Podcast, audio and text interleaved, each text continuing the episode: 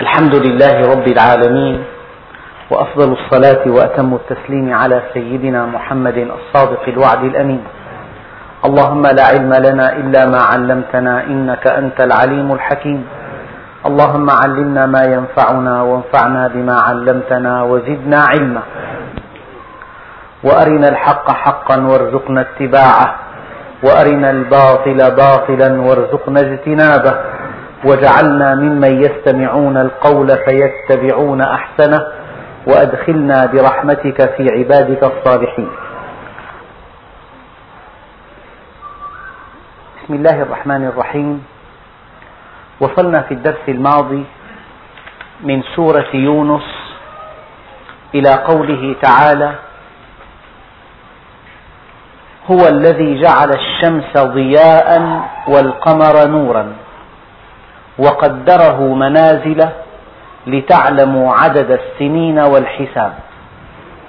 ما خلق الله ذلك إلا بالحق يفصل الآيات لقوم يعلمون. إن في اختلاف الليل والنهار وما خلق الله في السماوات والأرض لآيات لقوم يتقون. إن الذين لا يرجون لقاءنا ورضوا بالحياة الدنيا واطمأنوا بها والذين هم عن آياتنا غافلون. أولئك مأواهم النار بما كانوا يكسبون.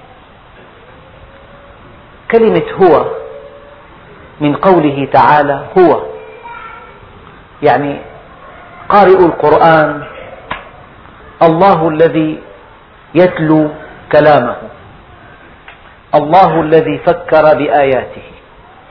الله خالق السماوات والأرض الذي أمره ونهاه هو من آياته الدالة على عظمته أنه خلق الشمس. من آياته الدالة على عظمته أنه خلق القمر. فهل فكرنا في الشمس أو في القمر؟ الإنسان يمكن أن يرى الشمس ولا يراها. وقد لا يرى الشمس ويراها. هناك رؤية عين وهناك رؤية قلب. هناك بصر وهناك بصيرة.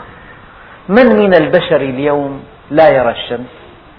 كل ذي عينين يرى الشمس. من رأى من خلال الشمس عظمة الله سبحانه وتعالى؟ قلة قليلة.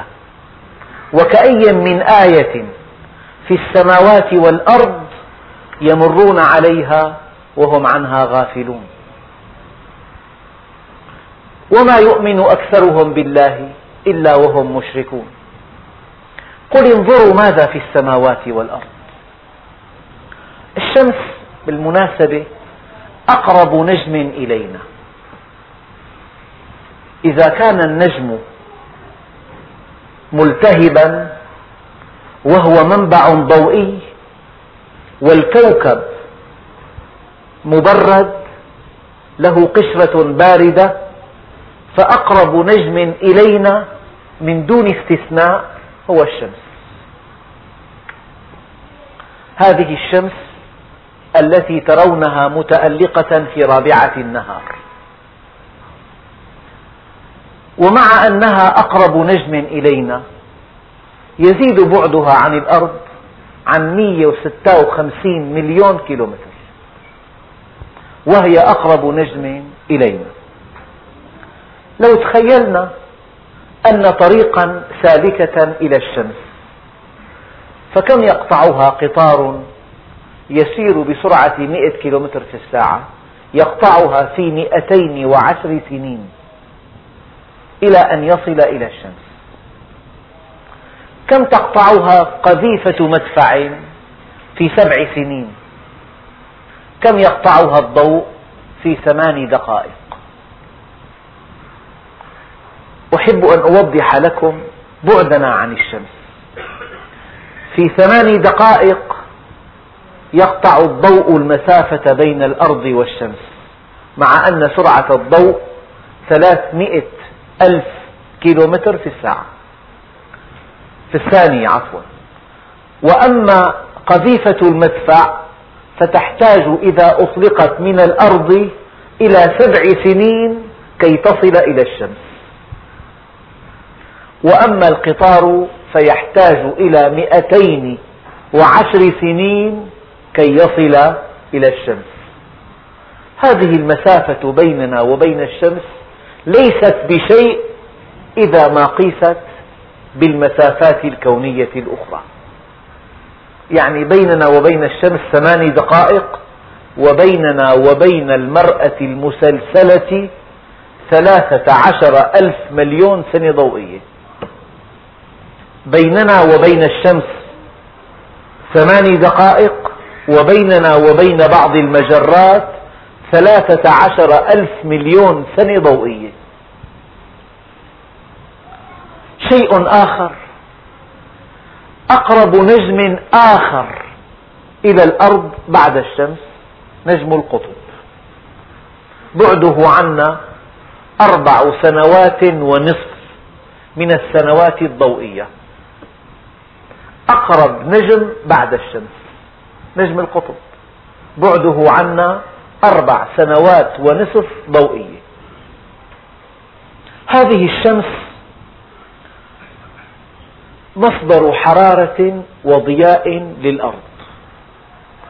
من منا يصدق أن نصيب الأرض من هذه الأشعة ومن هذه الحرارة ومن هذا الضياء واحد على ألفين مليون جزء؟ نصيب الكرة الأرضية بكاملها من أشعة الشمس ومن ضيائها ومن نورها ومن حرارتها ومن طاقتها واحد على ألفين مليون جزء مما تنتجه الشمس لما حولها من الكواكب السيارة.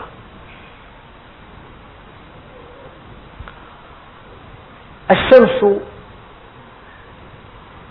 نجم متألق مشتعل قد يسأل سائل كم مضى على تألقها؟ يعني بعض العلماء يقول أكثر من خمسة آلاف مليون سنة. وهؤلاء أيضا يتوقعون أن تعيش الشمس متألقة أكثر من خمسة آلاف مليون سنة قادمة. لقوله تعالى والشمس تجري لمستقر لها. إذا الشمس كورت لها عمر. فهناك سؤال دقيق. ما هي هذه الطاقة التي مضى على تألقها خمسة آلاف مليون سنة وسوف تستمر خمسة آلاف مليون سنة قادمة؟ شيء عجيب. قال بعض العلماء الشمس فرن ذري فيها غاز الهيدروجين. فلو أن هذا الغاز أحرقناه لما أنتجت الشمس هذه الطاقة. ولكن هناك تفجيرا نوويا لذرة الهيدروجين بحيث يتحول عنصر الهيدروجين إلى عنصر الهيليوم. من هذا التفجر النووي تنتج هذه الطاقة التي لا حدود لها. ذلك تقدير العزيز الحكيم. أي الشمس من خمسة آلاف مليون سنة ولخمسة آلاف مليون سنة تنتج من الطاقة الشيء الذي لا يصدق. حرارة سطحها ستة آلاف درجة. وتصل حرارة الأعماق فيها إلى خمسة عشر مليون درجة. فلو أن الأرض ألقيت في الشمس لتبخرت في ثانية واحدة.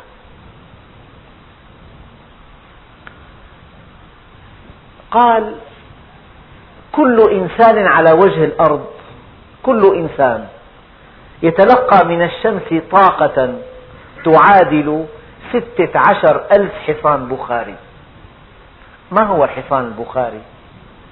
يعني القدرة الاستطاعة بالفيزياء تقاس بالحصان البخاري لما صنعوا القطار البخاري وضعوا في الطرف المقابل أحصنة. فكانت هذه الأحصنة تشد القطار إلى الوراء بكل طاقتها. فحيثما وقف القطار يعني القوة الدافعة للمحرك تكافئ قوة الحصان الدافعة باتجاه معاكس.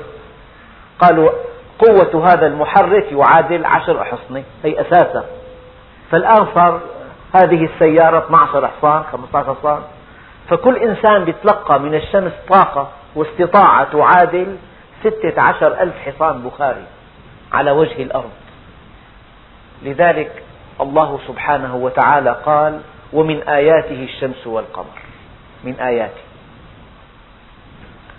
من منا يصدق أن ألسنة اللهب التي ترى إذا كان للشمس كسوف كامل يزيد طولها عن مليون كيلومتر. مليون. ألسنة اللهب التي تتحرك على سطح الشمس. تزيد عن مليون كيلومتر.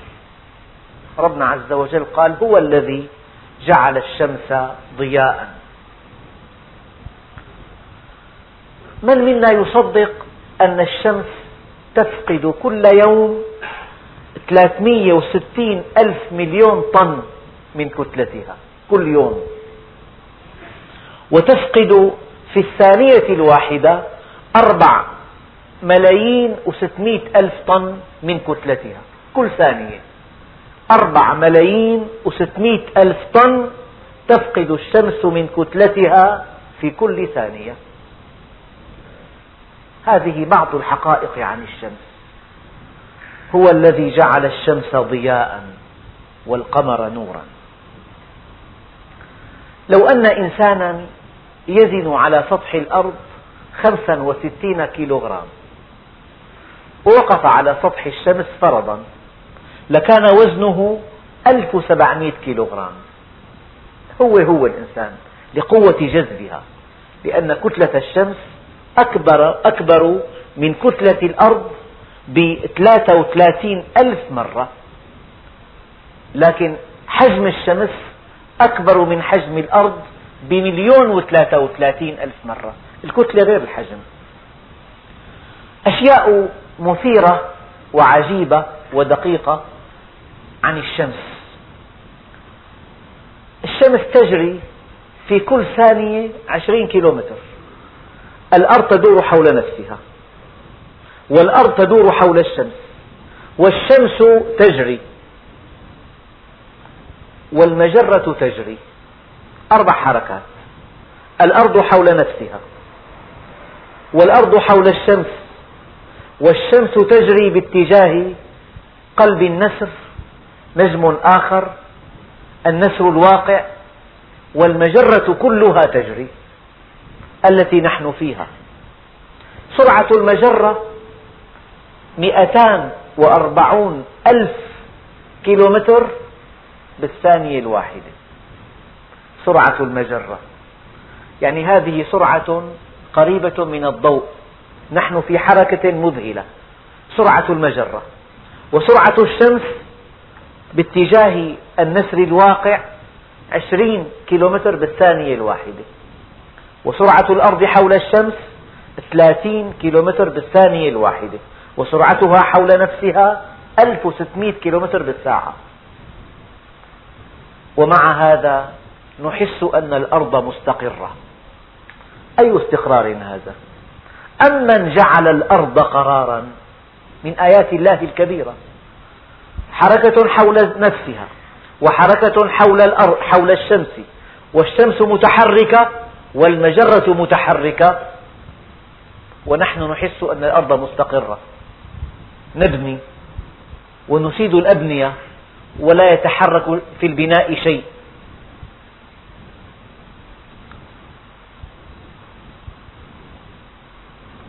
الشمس أقرب نجم إلى الشمس عطارد. يبعد عنه تبعد عنه ثلاث دقائق. وأبعد نجم في المجموعة الشمسية هو نجم بلوتو. يبعد عن الشمس خمس ساعات ضوئية. الشمس ترى من هذا النجم البعيد كنجم صغير صغير في السماء الدنيا. والشمس ترى من عطارد كقرص كبير كبير. ونحن في الأرض نراها بحجم معتدل ذلك تقدير العزيز الحكيم. عطارد بفعل قربه من الشمس ترتفع حرارته عن 350 درجة مئوية. الحياة عليه مستحيلة. وبلوتو الذي يبعد عن الشمس خمس ساعات تنخفض فيه الحرارة إلى 250 درجة تحت الصفر. والحياة عليه مستحيلة. فهل من باب المصادفة أن الحرارة على وجه الأرض معتدلة وتوافق طبيعة الإنسان؟ ذلك تقدير العزيز الحكيم. هذا من تقدير الله عز وجل. هذا نجم آخر من المجموعة الشمسية. يبعد عن الشمس خمس ساعات ضوئية. 250 تحت الصفر مع أنه يتلقى أشعة الشمس. وهذا عطارد 350 فوق الصفر. الحياة على هذين الكوكبين مستحيلة. لذلك ربنا عز وجل قال الشمس والقمر بحسبان. يعني هناك يد عليمة حكيمة خبيرة عينت هذه المسافة بيننا وبين الشمس.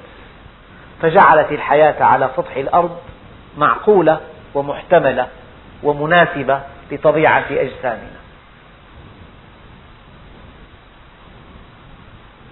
قال لو أننا أحرقنا هيدروجين الشمس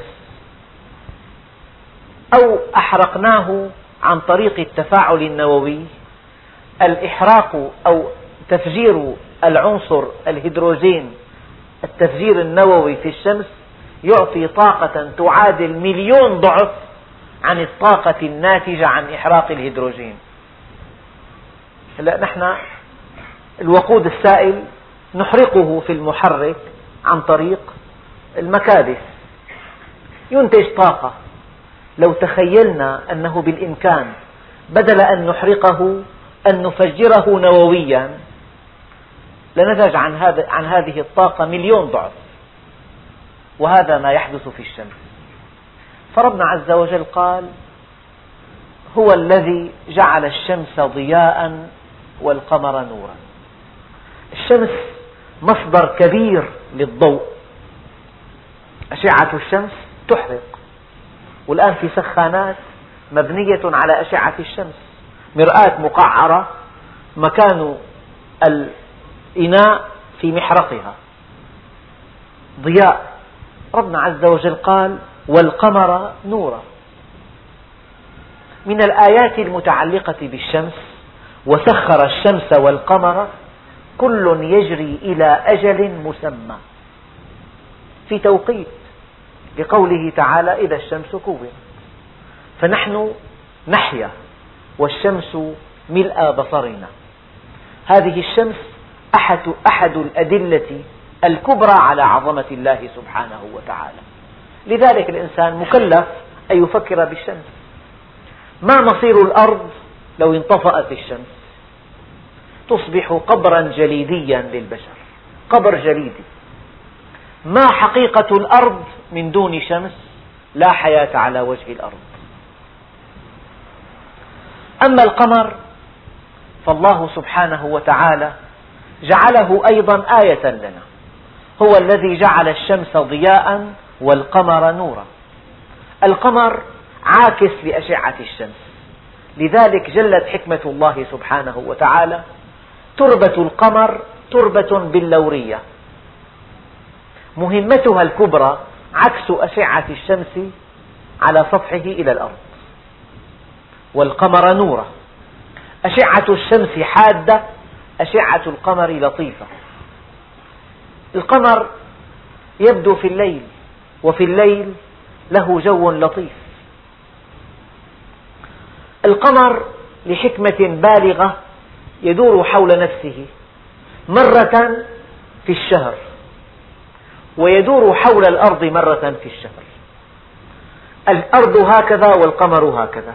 يدور هكذا القمر. إذا وجه واحد يواجهنا طوال أيام الشهر لأنه يدور حول نفسه مرة وحول الأرض مرة. من جعل هذا التوافق في دورته حول نفسه وحول الأرض؟ الله سبحانه وتعالى. لذلك ما يرى على سطح القمر نراه دائما. لو أن رائد الفضاء ذهب إلى وجه القمر الآخر لما رأى الأرض إطلاقا. لأن وجها واحدا يواجه الأرض في دوران القمر حول الأرض. الأرض تدور والقمر يتحرك. يتحرك القمر في اليوم الواحد ثلاث عشرة درجة. لذلك حينما يكون القمر بدرا تراه يشرق مع غروب الشمس من الشرق. عير الساعة. في أيام الصيف مثلا أشرق الساعة الثامنة. في اليوم التالي يتأخر شروقه خمسين دقيقة. يعني القمر تحرك في مداره حول الأرض تحرك 16 درجة. تأخر شروقه خمسين دقيقة يعني مشى في فلكه حول الأرض ثلاث عشرة درجة. وهكذا. لكن كيف يبدو هذا القمر كما قال الله عز وجل؟ وجعل هو الذي جعل الشمس ضياء والقمر نورا وقدره منازلا. يعني الشمس هكذا والقمر هكذا. الأرض هنا. إن كانت الأرض هنا والشمس في الوسط والقمر هنا أهل الأرض يرون القمر بدرا كاملا. فإذا سار القمر هكذا ماذا يبدو لأهل الأرض؟ يبدو نصف وجه القمر الذي يرونه. فإذا صار القمر بين الأرض والشمس صار محاقا. تقدير القمر منازل شيء معجز. يعني الله سبحانه وتعالى جعله تقويما لأهل الأرض. تقويما يراه كل الناس على اختلاف لغاتهم. وثقافاتهم ومللهم ونحلهم وأراضيهم شمال الأرض أو جنوبه شرقه أو غربه. يعني في أي مكان يرى القمر على شكل منازل اليوم واحد اثنين ثلاثة أربعة عشر خمسة عشر وهكذا. وقدره منازل لتعلموا عدد السنين والحساب. الحقيقة في عن القمر أشياء دقيقة جدا. من هذه الأشياء أن بعده عنا 360 ألف كيلومتر. هذا أقرب أقرب كوكب إلى الأرض. حتى أن علماء الفلك سموه تابعا لشدة لصوقه بالأرض.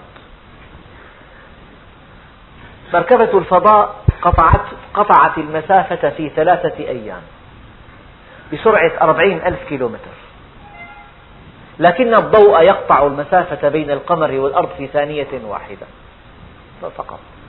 في ثانية واحدة تقطع المسافة بين الأرض والقمر. القمر كتلة والأرض كتلة. بينهما تجاذب. الأرض تجذب القمر والقمر يجذب الأرض. الأرض تجذب القمر لولا جذبها له لانطلق في مسار مستقيم بعيدا بعيدا عن الأرض. لكن جذب كتلة الأرض للقمر تجعله يدور حولها. وأما جذب الأرض للقمر. لولا جذب الأرض للقمر لدارت الأرض حول نفسها دورة في كل أربع ساعات. صار النهار ساعتين والليل ساعتين. مكابح. مو معقول نهار ساعتين. فصلى الصبح لبس راح على المحل أدى المغرب. بس ما فتح المحل رفع غلق أدى المغرب. يرجع على البيت يعني. مو معقولة. اجى على البيت بده يتعشى اتعشى قعد مع أولاده قام لينام الشمس طلعت مو معقولة. لولا أن القمر يخفف من سرعة الشمس لصار النهار ساعتين والليل ساعتين. لكن جذب القمر للأرض يجعل دورة الأرض حول نفسها في أربع وعشرين ساعة. معقول. الإنسان دخل لبيته ارتاح لا يزال معه مسافة طويلة وقت طويل كي يستريح. ذهب إلى عمله ثمان ساعات داوم تعب جاء للبيت تناول طعام الغداء رجع لعمله عاد بعد بعد المغرب. فتوقيت النهار والليل 12 ساعة ب 12 ساعة شيء دقيق جدا. ذلك تقدير العزيز الحكيم. بين القمر والأرض تجاذب. العلماء قدروا بكبل فولاذي قطره خمسين كيلومتر. لكن الله لطيف. جذب الأرض للقمر ليس عن طريق كبل فولاذي بل قوة جاذبة لا تراها.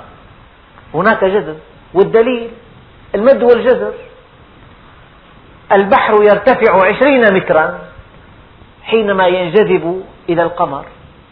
وهناك بحوث حول أن اليابسة نفسها ترتفع سنتيمترات بفعل جذب القمر.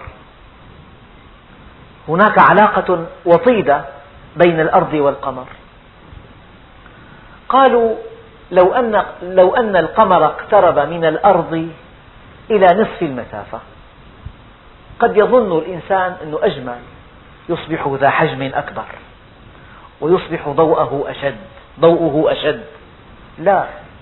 لو أن القمر اقترب من الأرض إلى نصف المسافة لتضاعف المد والجزر أربعا وستين ضعفا. يعني أربعة وستين ضرب عشرين متر يعني أو حوالي ألف ومئتين متر. يعني كل المدن الساحلية. وعدد كبير جدا من مدن الجبال تصبح مغمورة تحت سطح البحر كل يوم مرتين. مستحيل. إذا وضع القمر في هذا المكان شيء معجز. المد والجزر معقول عشرين متر.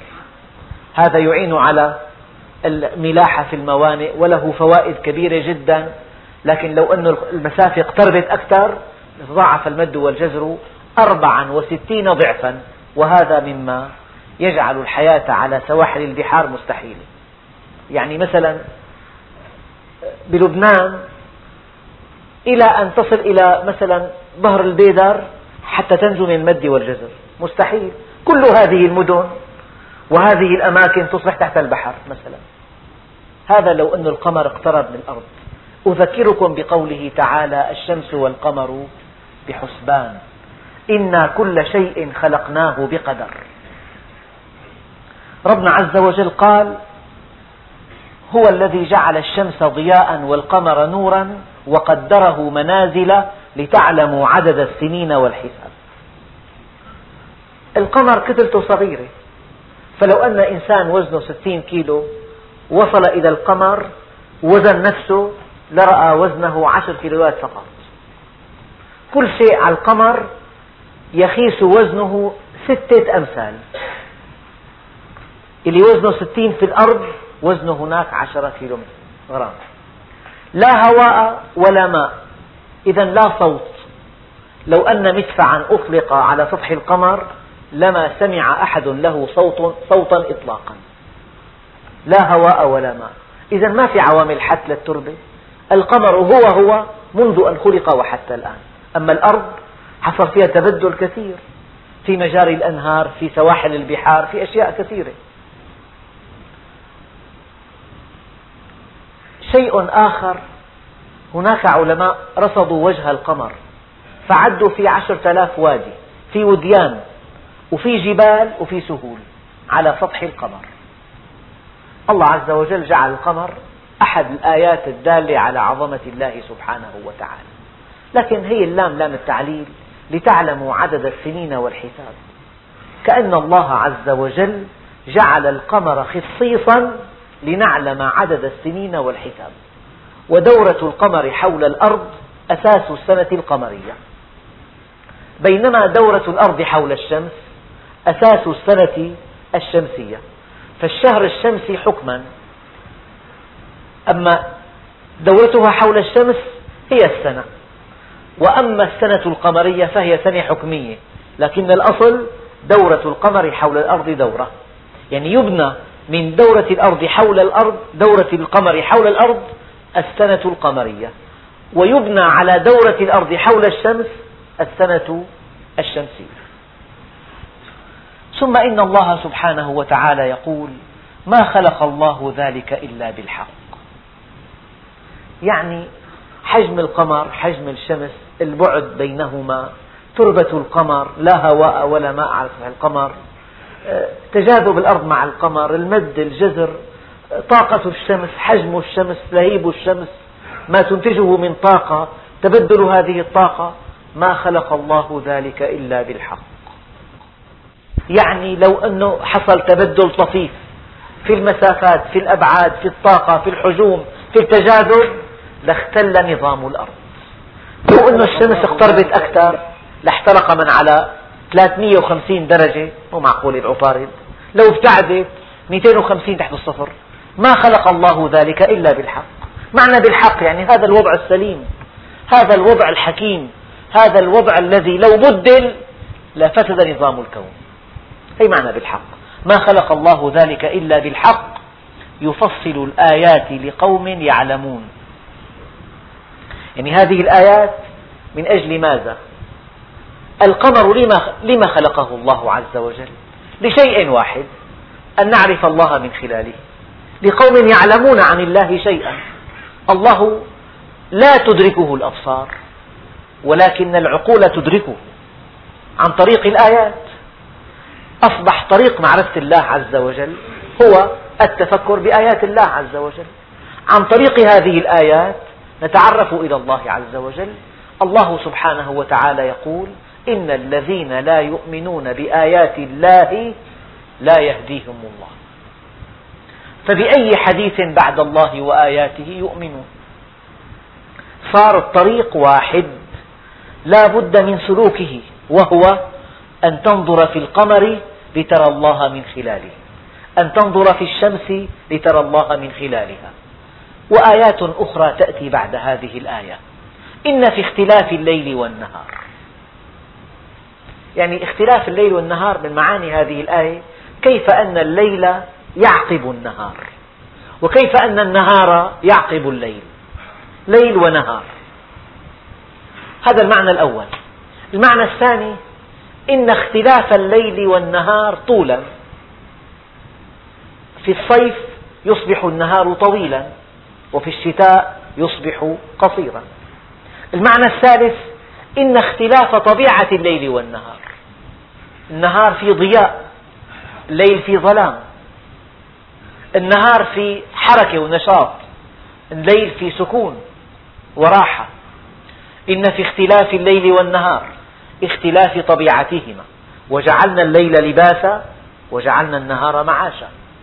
اختلاف طبيعتهما واختلاف طولهما وتعاقبهما بعد بعض بعد كل بعد الآخر هذه أيضا من آيات الله عز وجل.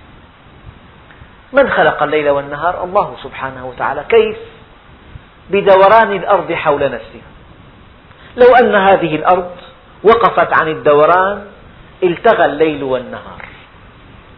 صار وجه من وجوهها نهار إلى الأبد ووجه آخر ليل إلى الأبد. الوجه الذي يقابل الشمس 250 فوق الصفر للأبد والوجه الذي لا يقابل الشمس 250 تحت الصفر للأبد. توقفت الحياة. إذا الليل والنهار آيتان من آيات الله لأن الأرض تدور حول نفسها. لو كان محورها هكذا ودورانها هكذا والشمس هنا أيضا مع أنها تدور لانعدم الليل والنهار. نصف الكرة الذي يدور هكذا والشمس من هنا نهار إلى الأبد ونصف الكرة الثانية ليل إلى الأبد. لتوقفت الحياة أيضا على سطح الأرض. إذا ما بكفي تدور يجب أن تدور على محور ليس موافقا لمستوى الدوران. من أجل أن يكون هناك ليل ونهار متعاقبان. لو أن الأرض وقفت في ليل ونهار بس غير متعاقبين شيء دقيق جدا. لو أن الأرض توقفت عن الدوران هنا نهار وهنا ليل الشمس من هنا. لكن هذا الليل والنهار ليسا متعاقبين. لو أن الأرض دارت على محور موازي لمحور الدوران هكذا. لكان هناك ليل ونهار لكنهما ليسا متعاقبين. أما الآية إن في اختلاف الليل والنهار أي إن في تعاقب الليل والنهار.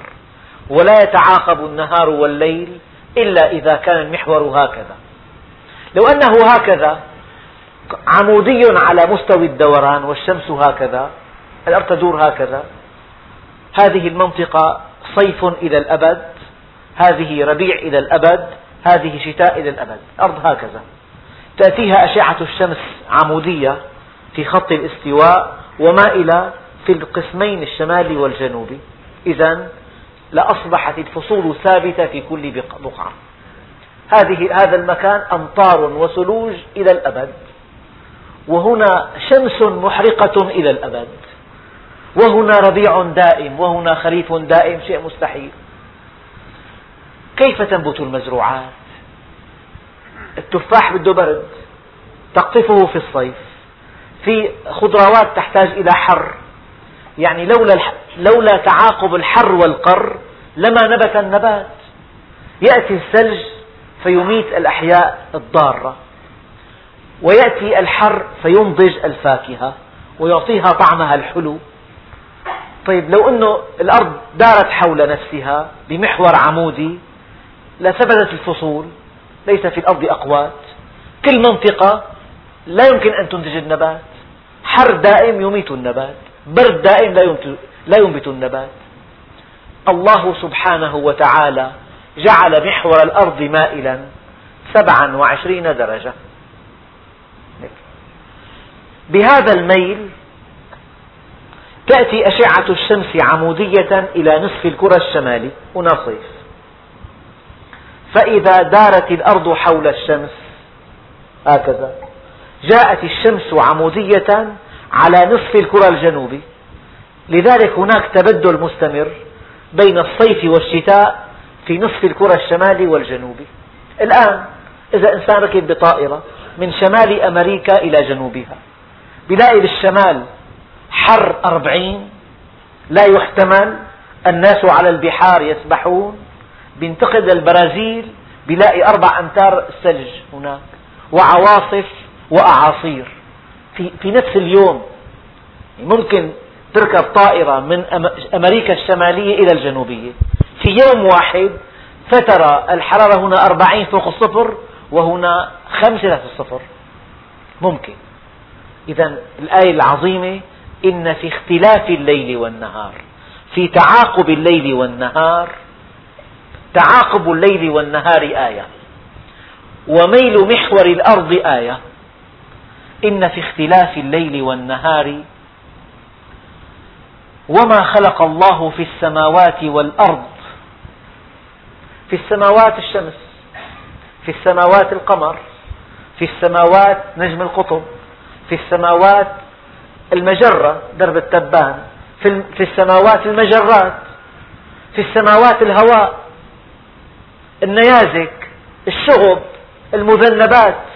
وما خلق الله في السماوات والأرض الجبال الأغوار السهول الصحارى البحار الينابيع الأنهار. اكتشفوا الآن أن في مصر نهرا بكثافة نهر النيل. يسير في غربي مصر تحت الأرض ويصب في البحر. الآن كشفوا. كشفوا أن ليبيا تقع فوق بحر من المياه العذبة. فوق بحر. وما خلق الله في السماوات والأرض. هي باطن الأرض فيها خيرات لا يعلمها إلا الله. له ما في السماوات وما في الأرض وما بينهما وما تحت الثرى. الآن البحث الجاد عن الماء العذب.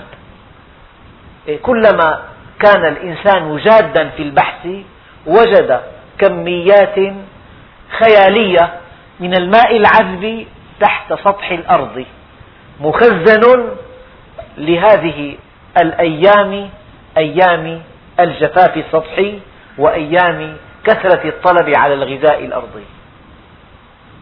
إذا إن في اختلاف الليل والنهار وما خلق الله في السماوات والأرض لآيات لقوم يتقون. الحيوانات آية الزواحف والفقريات والثدييات والجراثيم والعصيات والفيروسات والبكتيريا وديدان الأرض والحيوانات الكبيرة الحوت الأزرق 130 طن والفيل والكركدن وحيد القرن الضخم والصغير والذي يرى والذي لا يرى والذي في خدمة الإنسان مذلل والمستوحش والمتوحش هذا كله آيات للإنسان. إن في اختلاف الليل والنهار وما خلق الله في السماوات والأرض لآيات لقوم يتقون. أما الآن ربنا عز وجل سيصف لنا إنسانا أعرض عن هذه الآيات. ترك هذه الآيات. قال هذه لا تعنيني. لا شأن, لا شأن لي بها. لا يجدي البحث فيها. تركها وراء ظهره. ماذا فعل؟ قال إن الذين لا يرجون لقاءنا. لا يعلق أية أهمية على ما بعد الموت. لا يقيم وزنا لساعة اللقاء. لا يأبه للموت. لا يفكر في الآخرة إطلاقا. لا يرجو رحمة الله. لا يرجو وعده بالجنة. لا يخشى وعيده بالنار. إن الذين لا يرجون لقاءنا. هذا الموضوع يقول لك لا يعنيني. هذا الموضوع خارج اهتمامي. إن الذين لا يرجون لقاءنا ورضوا بالحياة الدنيا. رضي أن يكون دخله وفيرا. وصحته طيبة. وله زوجة تروق له. وله أولاد يسيرهم كما يشتهي كما هو. وله شأن اجتماعي يعيش به. ورضوا بالحياة الدنيا. واطمأنوا بها. يعني دخلهم الكبير طمأنهم. يقول لك أمنا مستقبلنا. في عندي مال قال واحد لا تأكله النيران. أكلته النيران وأمضى بقية حياته متسولا. هيك قال هو. لا تأكله النيران. إن الذين لا يرجون لقاءنا. ما بده. تدعوه إلى الدين. يعرض. تغريه بمجلس العلم. يقول ليس عندي وقت. تخوفه من الموت. يقول لك من هون ليوم الله بفرجاء الله. حط راسك مع الروس قول يا قطع الروس مثل الناس. تقول له الله عز وجل قال بيقول لك العلم العلم قال غير هيك. طرحه علمي صار أخونا بالله. يعني إن الذين لا يرجون لقاءنا ورضوا بالحياة الدنيا جعلها منتهى أمله. من أصبح وأكبر همه الدنيا جعل الله فقره بين عينيه وشتت عليه شمله. ولم يؤته من الدنيا إلا ما قدر له. ومن أصبح وأكبر همه الآخرة جعل الله غناه في قلبه وجمع عليه شمله وأتته الدنيا وهي راغمة. وهي راغمة. أوحى ربك إلى الدنيا أنه من خدمني فاخدميه ومن خدمك فاستخدميه. الدنيا تغر وتضر وتمر. وعزتي وجلالي إن لم ترضى بما قسمته لك فلأسلطن عليك الدنيا تركض فيها ركض الوحش في البرية ثم لا ينالك منها إلا ما قسمته لك ولا أبالي لي عليك فريضة ولك علي رزق فإذا خالفتني في فريضتي لم أخالفك في رزقك أنت تريد وأنا أريد. فإذا سلمت لي فيما أريد كفيتك ما تريد. وإن لم تسلم لي فيما أريد أتعبتك فيما تريد ثم لا يكون إلا ما أريد. إن الذين لا يرجون لقاءنا ما فكر بالشمس لأنه لم يرى عظمة الله من خلال الشمس. بالقمر ما فكر بس بحث عن يوم القمر حتى يعمل سيران فقط. لك اليوم بدنا نعمل سيران. قمرا بس. علاقته مع القمر علاقة المنتفع الخسيس لا علاقة العالم الرشيد. النبي عليه الصلاة والسلام حينما رأى القمر قال هلال خير ورشد. خير لكن رشاد. دليلنا إلى الله عز وجل. قل انظروا ماذا في السماوات والأرض. إن الذين لا يرجون لقاءنا. ورضوا بالحياة الدنيا واطمأنوا بها. أمنان وخوفان. من من خافني في الدنيا أمنته يوم أجمع عبادي. ومن أمنني في الدنيا أخفته يوم يجمع عبادي. يعني من حاسب نفسه في الدنيا حسابا عسيرا كان حسابه يوم القيامة يسيرا. ومن حاسب نفسه في الدنيا حسابا يسيرا. يعني حط بالخرج. هي حرام. لك هذا مشيها لا تدقق. لا تدقق. لك هي ما بتجوز. هي البيع غير شرعي. هي فيها ربا. هي حرام تعملها. هالكلام ما بينحكى. مدحت الإنسان مدحه بيغضب الله عز وجل. صديق فاجر تمدحه أمام صديق ثاني بيقول لك ماشي الحال. بدي مشي شغلي. بيقول لك حط بالخرج الكلام, الكلام الفارغ. ورضوا بالحياة الدنيا واطمأنوا بها. والذين هم عن آياتنا غافلون. عن الآيات هي. عن الشمس والقمر والليل والنهار واختلاف الليل والنهار. أولئك مأواهم النار بما كانوا يكسبون. هؤلاء الذين لا يرجون لقاءنا. هؤلاء الذين كانت الدنيا مبلغ علمهم منتهى طموحهم منتهى آمالهم يعلمون ظاهرا من الحياة الدنيا وهم عن الآخرة هم غافلون. جعل الدنيا أكبر همه ومبلغ علمه. في الدنيا خبرته عالية جدا في الآخرة صفر لا يفقه شيئا. قال هؤلاء الذين انتهت آمالهم في الدنيا جعلوها منتهى آمالهم أقصى طموحاتهم هؤلاء الذين رضوا بالحياة الدنيا واطمأنوا لها بها والذين هم عن آياتنا عن الشمس والقمر والنجوم والليل والنهار والجبال والصحارى والوديان والأمطار والثلوج وعن آيات الكتاب أيضا. هناك آيات كونية وهناك آيات توجيهية. عن هذه وتلك قال أولئك مأواهم النار بما كانوا يكسبون. بما كانوا يكسبون. معنى ذلك إذا غفل الإنسان عن الله سبحانه وتعالى لا بد من أن يكسب السيئة. إذا غفل الإنسان عن الله سبحانه وتعالى لا بد من أن يكسب السيئة. إن الذين آمنوا وعملوا الصالحات يهديهم ربهم بإيمانهم. تجري من تحتهم الأنهار في جنات النعيم دعواهم فيها سبحانك اللهم وتحيتهم فيها سلام وآخر دعواهم أن الحمد لله رب العالمين. أذن. ربنا سبحانه وتعالى يقول كتاب أحكمت آياته ثم فصلت. معنى أحكمت؟ يعني هناك ترابط منطقي بين آيات السورة الواحدة. فلما ربنا عز وجل قال هو الذي جعل الشمس ضياء والقمر نورا وقدره منازل لتعلموا عدد السنين والحساب ما خلق الله ذلك إلا بالحق يفصل الآيات لقوم يعلمون. يعني طريق معرفة الله عن طريق الآيات. إن في اختلاف الليل والنهار وما خلق الله في السماوات والأرض لآيات لقوم يتقون. يعني تشرق في نفوسهم أنوار الله سبحانه وتعالى.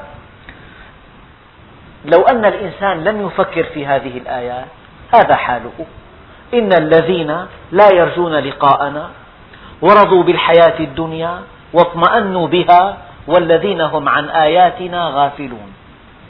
لأنهم غفلوا عن هذه الآيات انتهت بهم طموحاتهم إلى الحياة الدنيا. دخله كبير مبسوط.